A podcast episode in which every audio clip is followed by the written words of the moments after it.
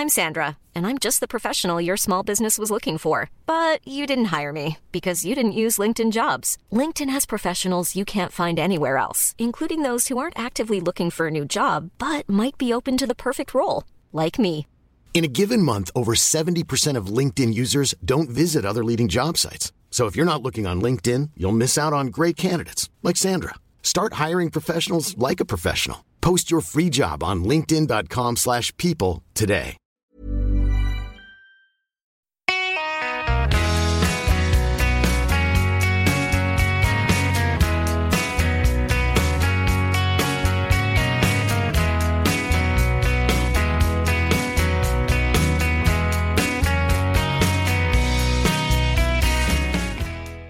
Då får vi helt enkelt lov att hälsa alla vackra travsportentusiaster välkomna till avsnitt 28 av Ingvarsson och Perssons podcast.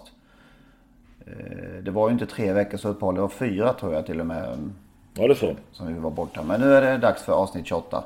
Trots, Ja, trots två, två, två veckor i rad alltså. Just det, ja precis. Hur är läget i Skövde? Har du hämtat dig efter eh, temperaturskillnaden? Ja, då, det är eh, lite omväxlande minusgrader och plusgrader. Ganska tråkigt. Ja. Lite skillnad mot Malta-temperaturen. Ja, det var lite bättre. Ja. Du, jag har en lista här. Lutfi Olgini. Stefan Melander. Robert Berg. Björn Goop. Stefan Hultman. Sofia Aronsson. Daniel Olsson. Jennifer Tillman. Fredrik C Widman. Jari Åkerfeldt. Åke S Olsson. Stig H Johansson. Lennart Forsgren. Bo Eklöf. Thomas Urberg. Caroline Malmborg. Julian McLaren. Vet du vad de har gemensamt? Jag kan ha missat någon också ytterligare men har du någon Ja, koll jag på? känner, känner igen dem. De har hästar gemensamt, ingen tvekan. Även om det lät som både trav och galopphästar. Ja just det. Vad har de mer gemensamt då? Eh, Ja det är alltså aktiva eller före detta aktiva som numera jobbar i media i något sammanhang. Ja, just det. Travtränare blir eh, mediakonsulter, inte konsulter, men aktiv i media.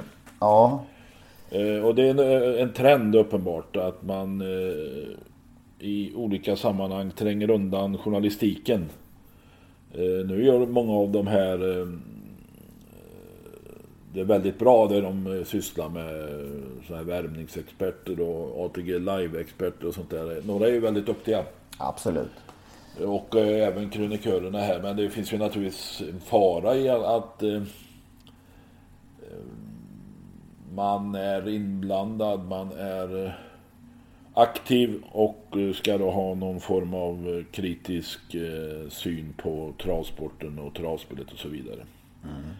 Ja, vad gör det här med, med eh, travsporten och är det någon fara i det här? Ja, det är klart det är en stor fara om inte travsporten granskas.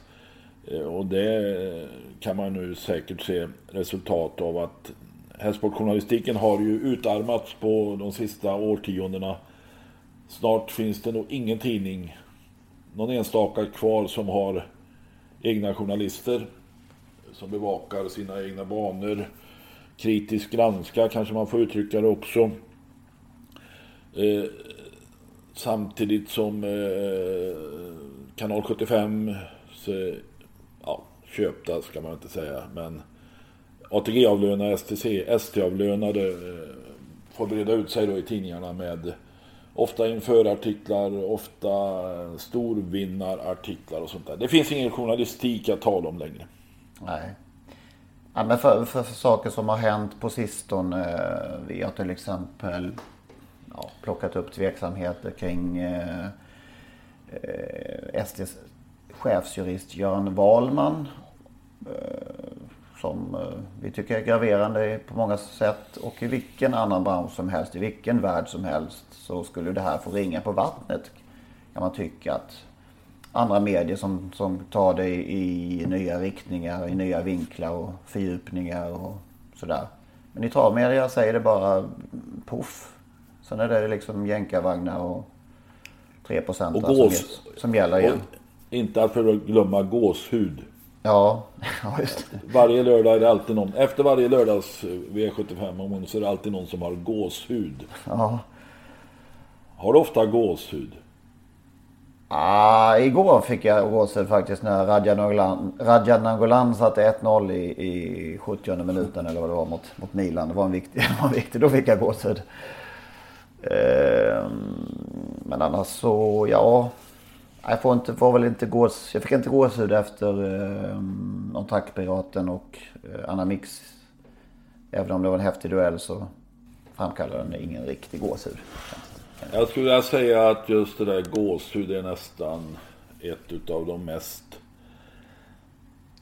mest överskattade, mest felanvända ord som ja. finns i... Vem kom på ordet gåshud Nej, det kan man undra. Det pratas om på, på eh, Gunde Svans tid så pratar man ofta om gåshud. Mm. Nej men det är som sagt det är ju frapperande det här med, med aktiva ska alltså ganska aktiva och skildra aktiva. Det, alltså, det, det är ju helt det är skadad såklart. Nu, det senaste vi hörde här nu var ju att eh, Tony Ryttar inte, möjligen inte kommer att rapportera från Frankrike, eh, meetingen och vinterloppen där nere i år. Utan att Sofia Aronsson ska Ska ja, om jag har förstått det rätt så eh, har väl Tony Ryttar en hel del annat att göra.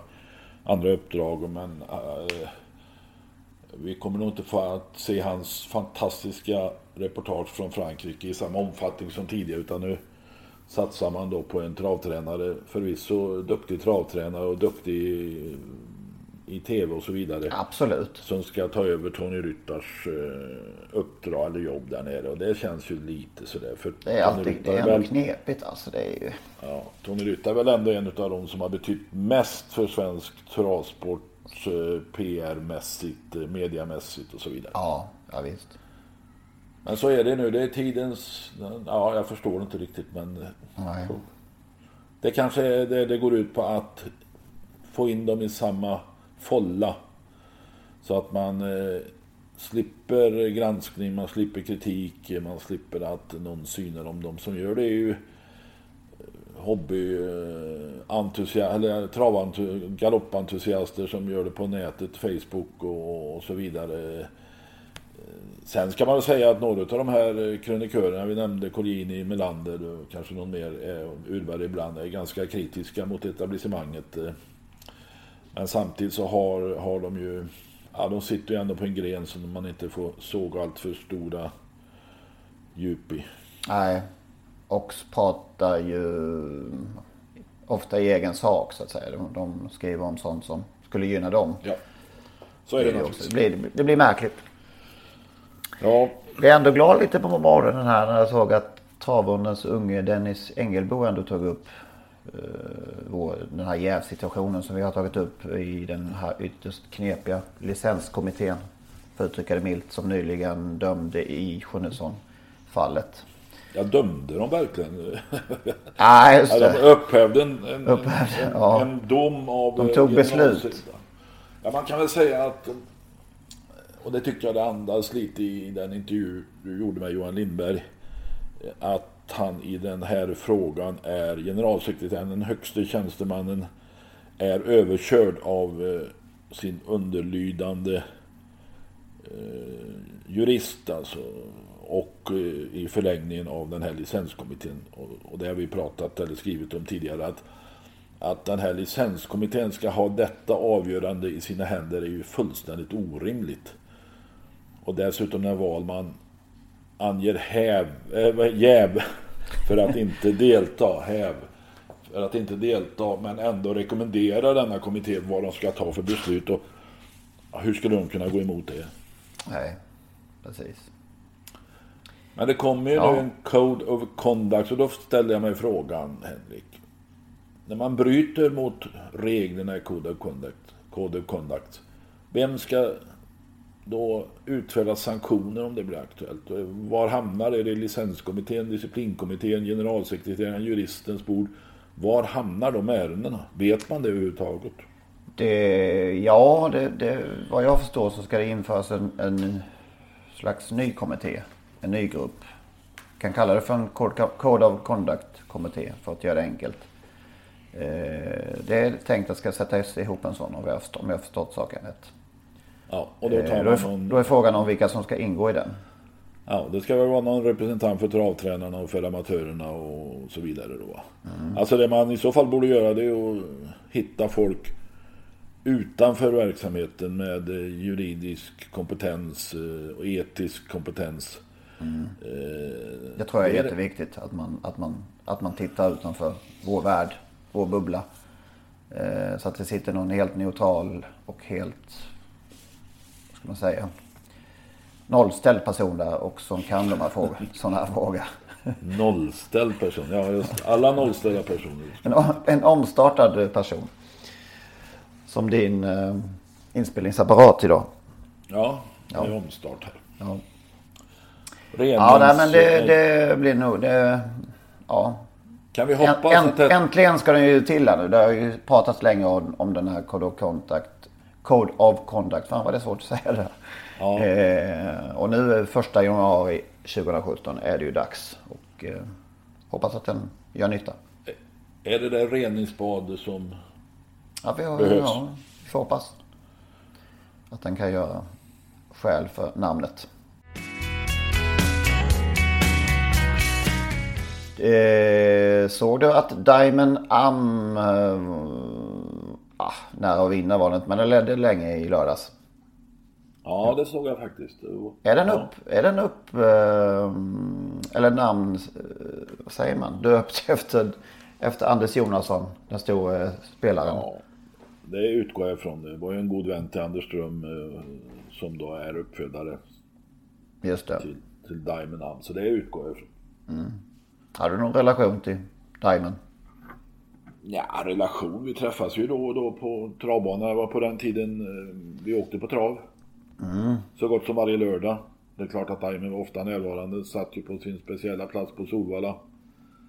Så att eh, nog eh, träffades vi då och då och hade väl något form av eh, intellektuellt utbyte. Nej, men något ja. utbyte. Alltså det man inte riktigt vet det var ju att, att Diamond också spelade en viss roll för ATGs verksamhet. Eh, Remi Nilsson hade nog Diamond, hade nog, hade Diamond som någon form av konsult i spelfrågor och eh, testade nya idéer på honom. Han rörde, sig, rörde ju sig i spelkretsar och var en duktig, eller eh, alltså kunde det här med spel och, och eh, levde ju för det här med spel och klart att han kände av vad folk ville ha. Har du något, vet, du något, eh, vet du något konkret som han eh, stod bakom? Det kan jag inte säga på rak arm, men eh, han, han var i alla fall koncentrerad i viktiga spelfrågor av ATGs vd eller marknadschef mm. eller vad Just. Men, eh, han kände av stämningarna ute på golvet så att säga. Uh, vi ska säga det för nu... de som inte känner till honom att uh, han dog. Alltså han blev ensam på V75 i augusti 2009 en lördag såklart då. Och dog på söndagen. Avled. Man kan säga att han dog med stövlarna på. Ja. Med spelflaggan ju... i topp i alla fall. ja, mycket det. trist naturligtvis. Mycket trist. Men han mm. fick sin eh, storpott till slut. Eh, kämpat i många år. Eh, mm. I med och motgång ska man väl säga. Så är det mm. med spelare. Med och motgång. Verkligen.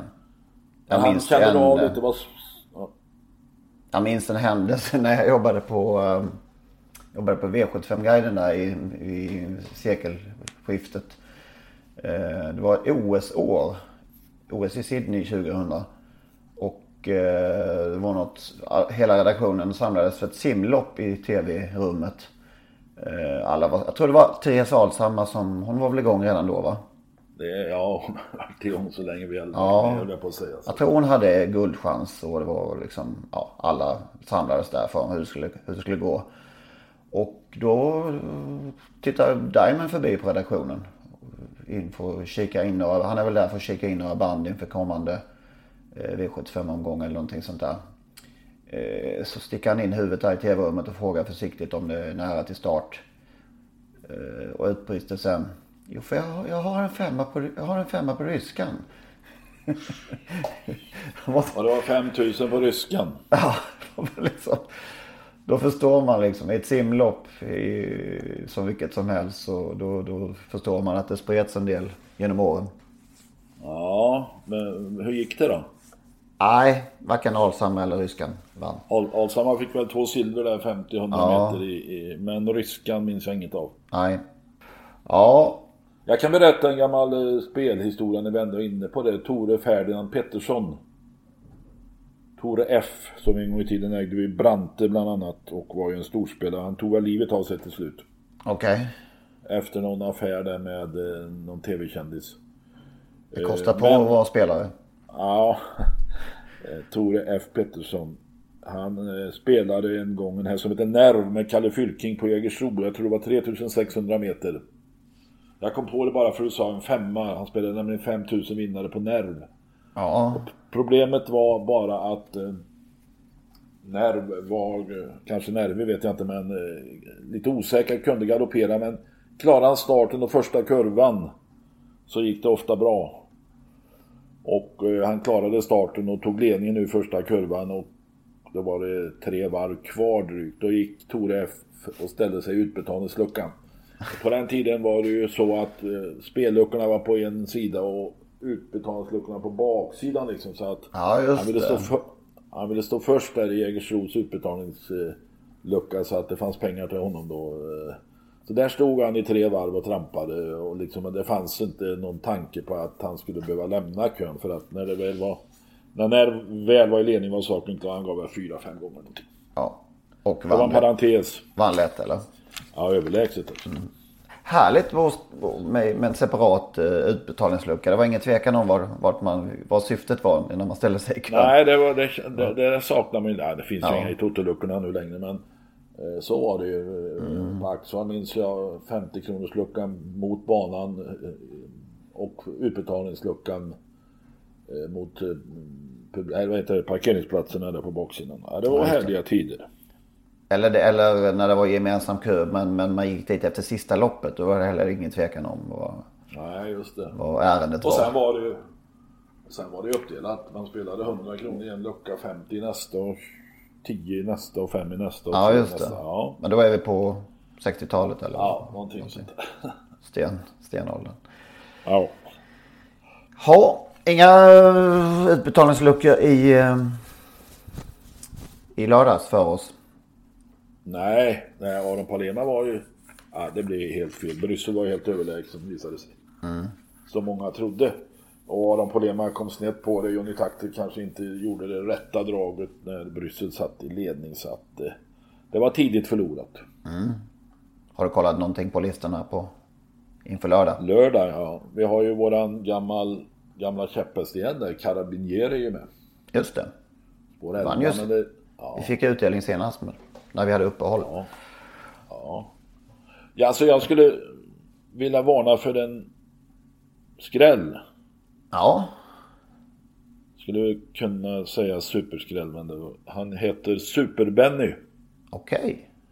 Startar den första avdelningen och gör då och då jättefina lopp. Senast blev det tok, då tog kusken igenom och han tjurade till tror jag galopperade. Nu kör Erik Adielsson förvisso från spår 11 men hästen är stark och har eh, hög kapacitet den dag. Det dagar han fungerar så att jag tror inte han blir eh, favorit i alla fall. Han blir nog ganska lite sträckad. Så att jag vill skicka med en liten varning. Ett varningens finger för Super-Benny och Erik Adielsson. Att, eh, det, det, man får nog säga att det är kuskförstärkning. Ja, det får man. Ska vi rulla in i Frankrike? Det kan vi göra. Då kommer den här härliga vignetten.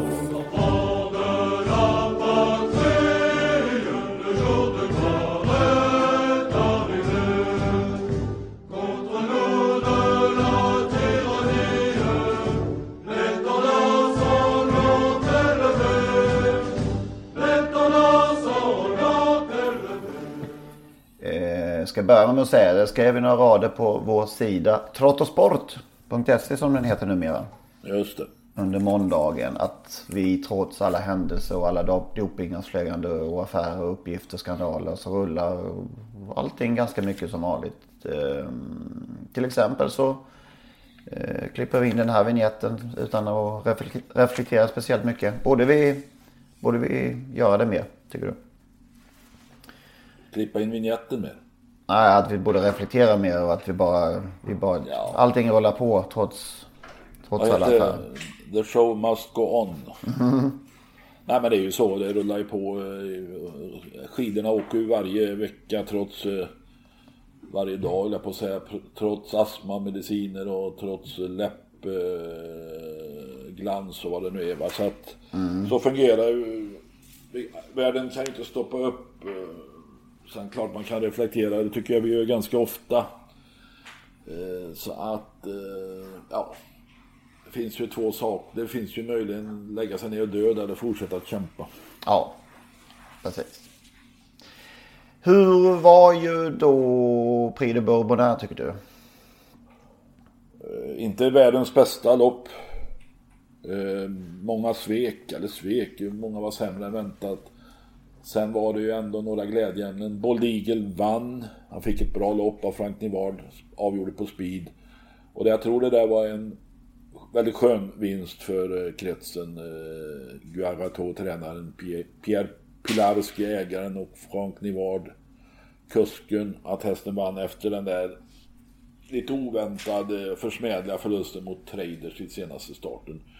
För hela fransk travsport så var det tummen upp.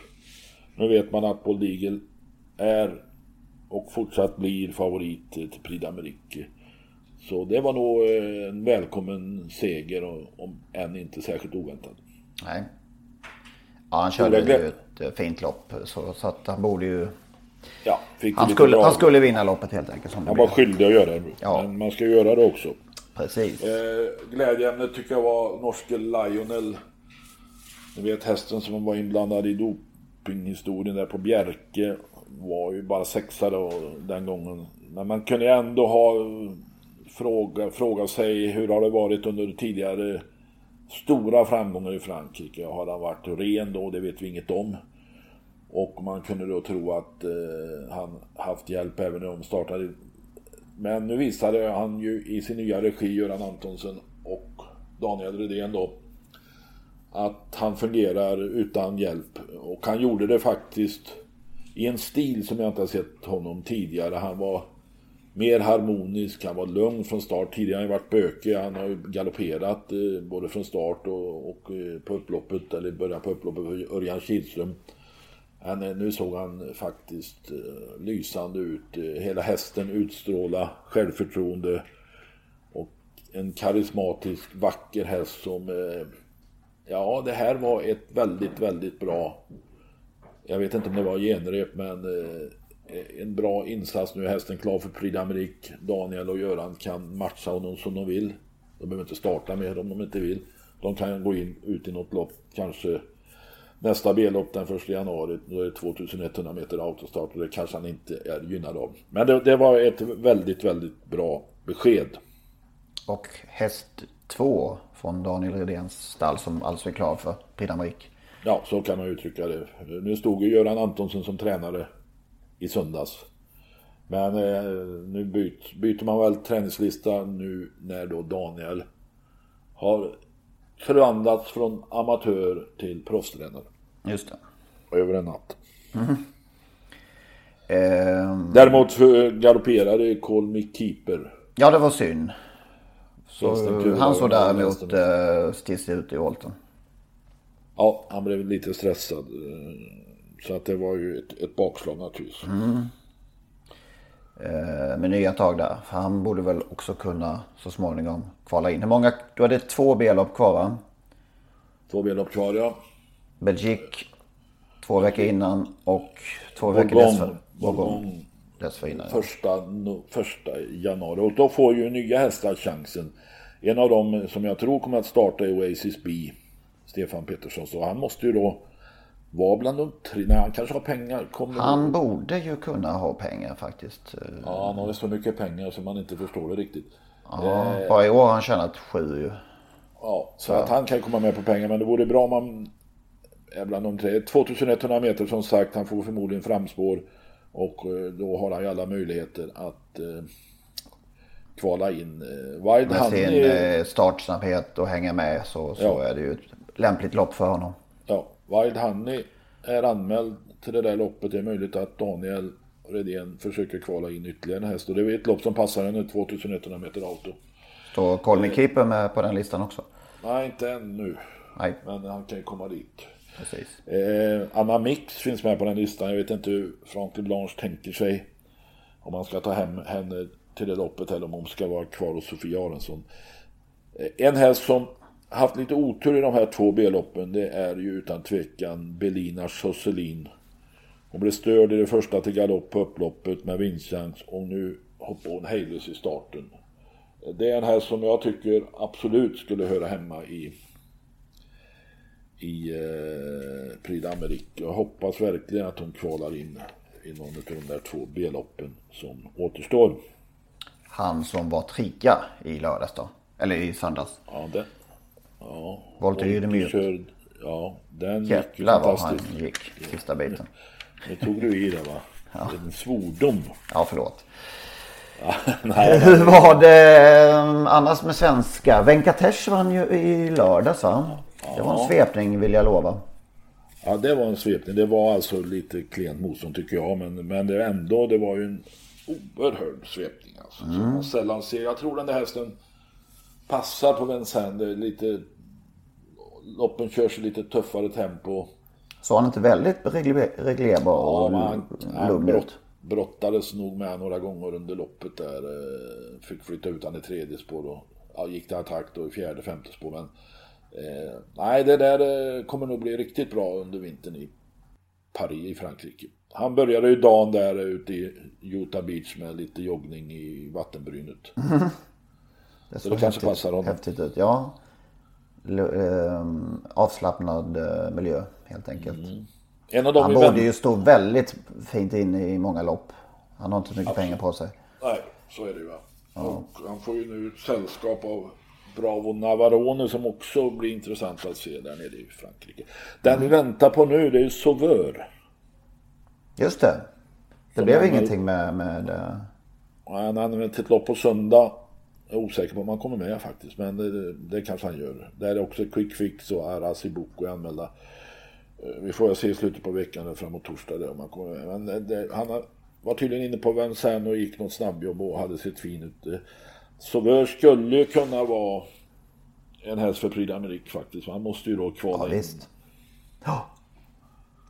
Jetset ska väl ner också starta en upplopp i veckan. Peter Untersteiner, ja, ja. SM-vinnare. Ja. För storklassen. Hon var anmäld i något lopp. Så. Mm. Har du, eh, ska vi köra lite bästa sämsta eller har du mer Frankrike? Nej, men jag kan ta det bästa då, eh, som delvis är Frankrike. Eh, alltså det bästa i lördags var ju två dueller. Det var den på Färjestad mellan en trackpirat och Anna Mix. Där Anna Mix var heroisk och var mycket, mycket nära att knäppa en trackpiraten. Men han är inte så lätt att ta sig förbi. Nej. Den andra var ju, den andra duellen var ju fyraåringsloppet på Vincennes. Där Karat Williams kämpade ner ganska enkelt till slut Kull, kullens topp eh, Charlie de Noir, Noyer eh, som tidigare dominerat kanske är lite nedåtgående form efter en lång säsong men den där Karat Williams eh, Guaratos häst med David Toman var fullständigt enormt bra alltså. Och eh, är nog på väg att bli en riktig stjärna. Hur är kullen i stort? Kan man... Ja, Vad är din känsla? Ja, Charlie de Neuer där eh, hoppar ju bort sig i Europaderbyt kval. Eh, sen finns ju traders som är Italien född men tränas i, i Frankrike då. Och, men den här Karat Williams är på klar. Ja, det, det, det är en stjärna, blivande stjärna i alla fall över lång distans. Vem är han efter? Eh, Prodigious. Ja. Prodigious. Får jag säga en sak till på det bästa? Ja. Juan Manuel, Manuel Santos. Juan Manuel Santos. Vet du okay. vem det är? Det är ingen travhäst. Ja, det ringer ingen jätteklocka. Det är fredspristagaren Colombias president. Ja, ja, ja, ja, ja, ja. Jag lyssnade, lyssnade. Jag tittade på utdelningen där i Oslo. Och jag blev så imponerad av denne man som höll ett tal på spanska i 30-40 minuter utan att knappast titta i sitt manus. Alltså. Och han var så entusiasmerande och charmig alltså. Och han har ju lyckats med någon form av fredsprocess där med, med, med Colombias staten då och Farc-gerillan. Och fick ju då fredspriset tack vare. Men hans utstrålning, hans glädje, hans entusiasm och framförallt att han pratade oerhört inspirerande i 30-40 minuter utan att överhuvudtaget titta i sitt manus mer än när han möjligen citerade Tennyson eller någon, eller någon, annan författare.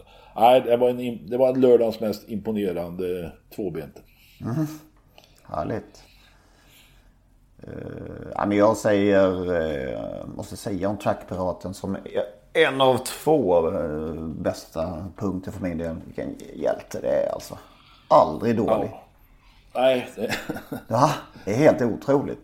han lider inte av några ålderskrämpor. Nej. Uh, finns det några lopp uh, som kan vara tänkbara för honom i Frankrike? Kan han vara med i. Prix inte Prix Luxemburg? Nej, han har för mycket pengar. För mycket pengar på sig. Nej, han har inga lopp överhuvudtaget i Frankrike. Nej. Så han får bli hemma. Han får bli hemma och det är vi glada för. Ja, det tycker jag man ska vara. Han borde kanske få en liten, en liten tävlingspaus snart. Nej, det tror jag inte är aktuellt. Är, han, han vill nog tävla. Ja, Det brukar Kari säga. De går bara hemma och skrotar mellan loppen så att det, det, det spelar inte. det är kar i matchning eh, där. Ja, det kan man Ja. nog säga. Sen är det ju kul som attan att en kvinnlig kusk för andra året i följd ser ut att bli champion i Boden. Så är det kanske ja. Det är ju värmande. Fjol var det Hanna Olofsson och i år leder alltså Sandra Eriksson med två segrar med någon dag kvar. Så eh, Ja. uppfriskande. Skulle vara himla kul att se Sandra i större, lite oftare i större sammanhang. De får byta bostadsort. Ja, Och göra som Ulf Olsson, flytta söderöver. precis. Men de kanske är fast i den norrländska myllan, säger man så? Det gör man väl inte kanske, men Jag förstår vad du menar. ja. Nästan. Eh, Men på tal om Montac-piraten där då. Den eviga frågan som kommer upp varje år vid den här tiden. Gulddivisionen varje vecka på vintern. Vad- Ja, det finns ju Är du för eller emot? Nej, jag är varken för eller emot. Det finns ju många synpunkter på det. Men det där guldvisionsloppet i lördags eh, var väl av ganska hög klass med två fantastiska hästar och med Nadal Broline. Och på lördag tyckte jag också att det var ett eh, bra lopp. Eh, Wollstedt, Nahar och några till va. Eh, sen beror det lite grann på hur vintern ser ut naturligtvis. Det, det kan man ju inte veta på förhand. eh, Om det går att träna hästarna så att de... Det finns ju de som så, fort det dyker upp en, eh, så fort det dyker upp en dålig gulddivision på vintern. I januari är väl krismånaden framförallt kanske. Eh, Så, så då ska den väck. Ja, men det är ju alltså ett spelarkrav. va. Det har ju inte med sporten att göra utan det är ju spelarna som tycker så. Eh, Travsportmänniskorna vill nog ha en gulddivision. Sen kanske man kan hoppa över någon vecka, vad vet jag. Men eh, att man skulle ta bort den under vintern eller varannan vecka, det är jag tveksam till. Jag håller med. Jag tycker de ska, alltid, jag tycker de ska vara med alltid. Det är ju ändå... Det är ändå på något sätt den listan man kollar på först på söndagskvällen. Liksom. Det, Ja, men tänk om det inte har varit någon gulddivision i lördags. ja, vad hade hänt då menar du? Ja, då hade vi inte fått se den här duellen mellan Anna Nej, och precis. Träckpirat. Nej. Då hade det blivit jackpot på, på, på 7 1 kanske också. Ja, det är möjligt. Ja. Nej visst, jag, det, jag tycker det ska vara. Sämsta för mig att det tar sån tid med dessa jävla dopingfall. Man blir tokig. Ja, det verkar ju... ja, tar tid. Det står ju still. Står still. Ja. Och, alltså det är juridiska finesser som förhindrar det. Man har inte... advokaterna har inte tid och det ena med det andra. Det är väl för fan bara att säga att nu, nu ska vi träffas och förhandla om det. Eller, mm. Ja, förhandla om detta och sen blir det dom. Punkt slut. Ja, ja det är tröttsamt.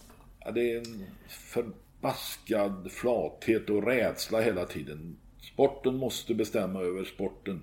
Mm. Och man kan inte ta hänsyn till eh, taktiska finesser från rutinerade försvarsadvokater. Åke Svanstedt är hemma i Sverige, verkar som. Ska fira jul. Må det.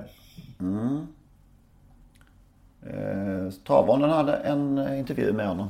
De eh, okay. vände blad. Alltså. Som eh, chefredaktören eh, Joakim Svensson uttryckte saken.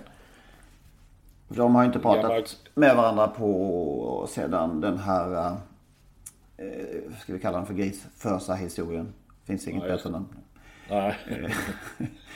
Eh, men då vände de blad och strök ett streck över allt som varit. Och eh, ja, lite smula överraskande tyckte jag.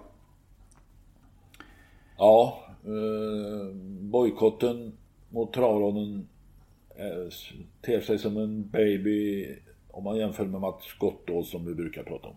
Just det.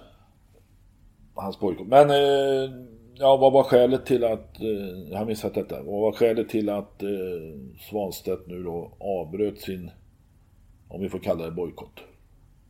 Ja, det var relativt oklart men det verkar ju som att det hörde samman mycket med att de medarbetare som då fanns på travronden inte längre är där. Så att eh, det var ett plus för, för ronden att, att äh, gamla gänget är borta helt enkelt.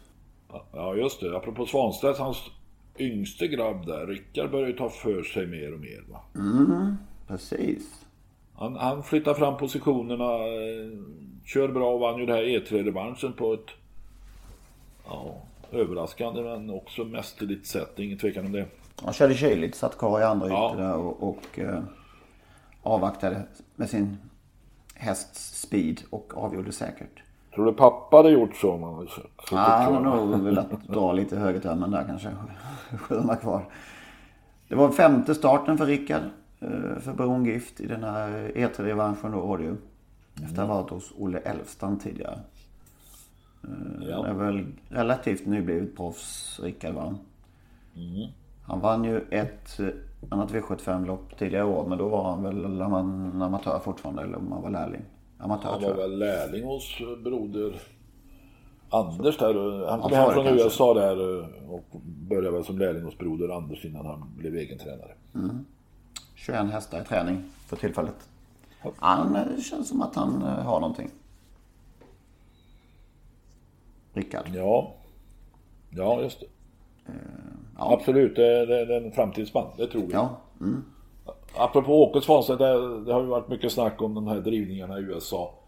Eh, som vi har sett och det är klart att många lägger märke till hans eh, sätt att utöva detta på. Men nu läste jag att i Australien kommer man att förbjuda drivningar från någon gång 2017.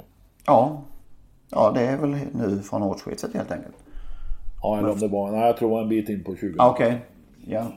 Men man var inte nämligen inte, man var nämligen inte riktigt klar på om man skulle förbjuda körspö. Att man ändå skulle få med sig körspöet som någon eh, korrigeringsverktyg eh, vid behov om det skulle hända att någon häst bryter ut eller tvärstannar eller något sånt där. Va? Så att okay. där var man nog inte riktigt på det klara. I Norge har man ju förbud mot körspö.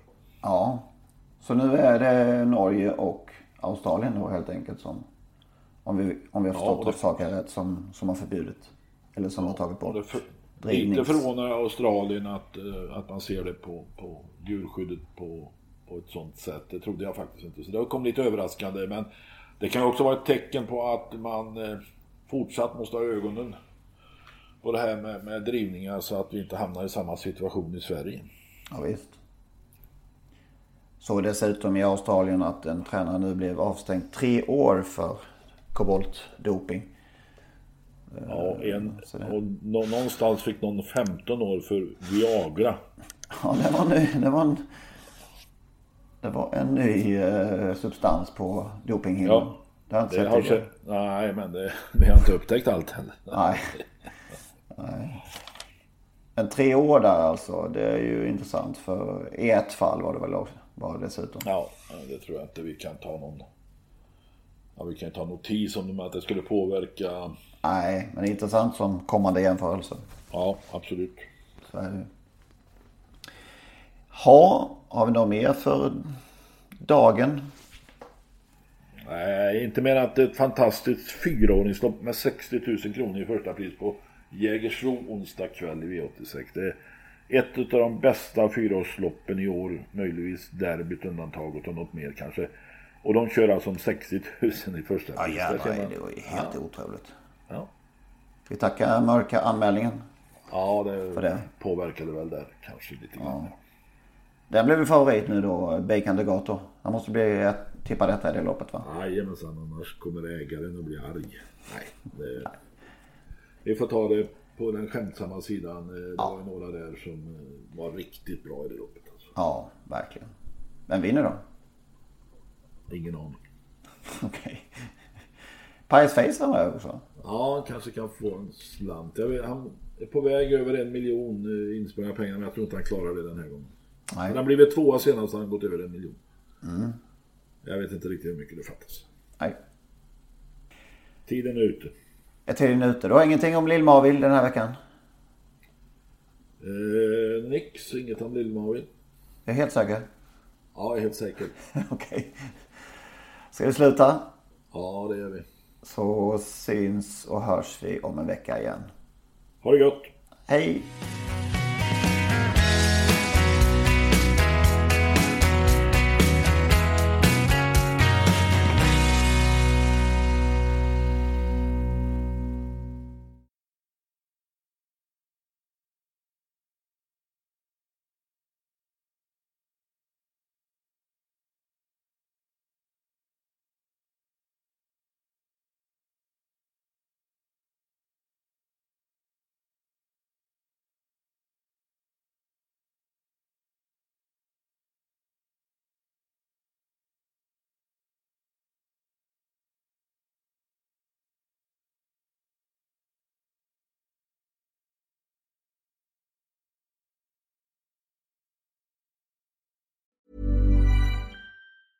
Mom deserves the best, and there's no better place to shop for Mother's Day than Whole Foods Market. They're your destination for unbeatable savings, from premium gifts to show-stopping flowers and irresistible desserts. Start by saving 33% with Prime on all body care and candles. Then get a 15-stem bunch of tulips for just $9.99 each with Prime. Round out Mom's menu with festive rosé, irresistible berry chantilly cake, and more special treats. Come celebrate Mother's Day at Whole Foods Market.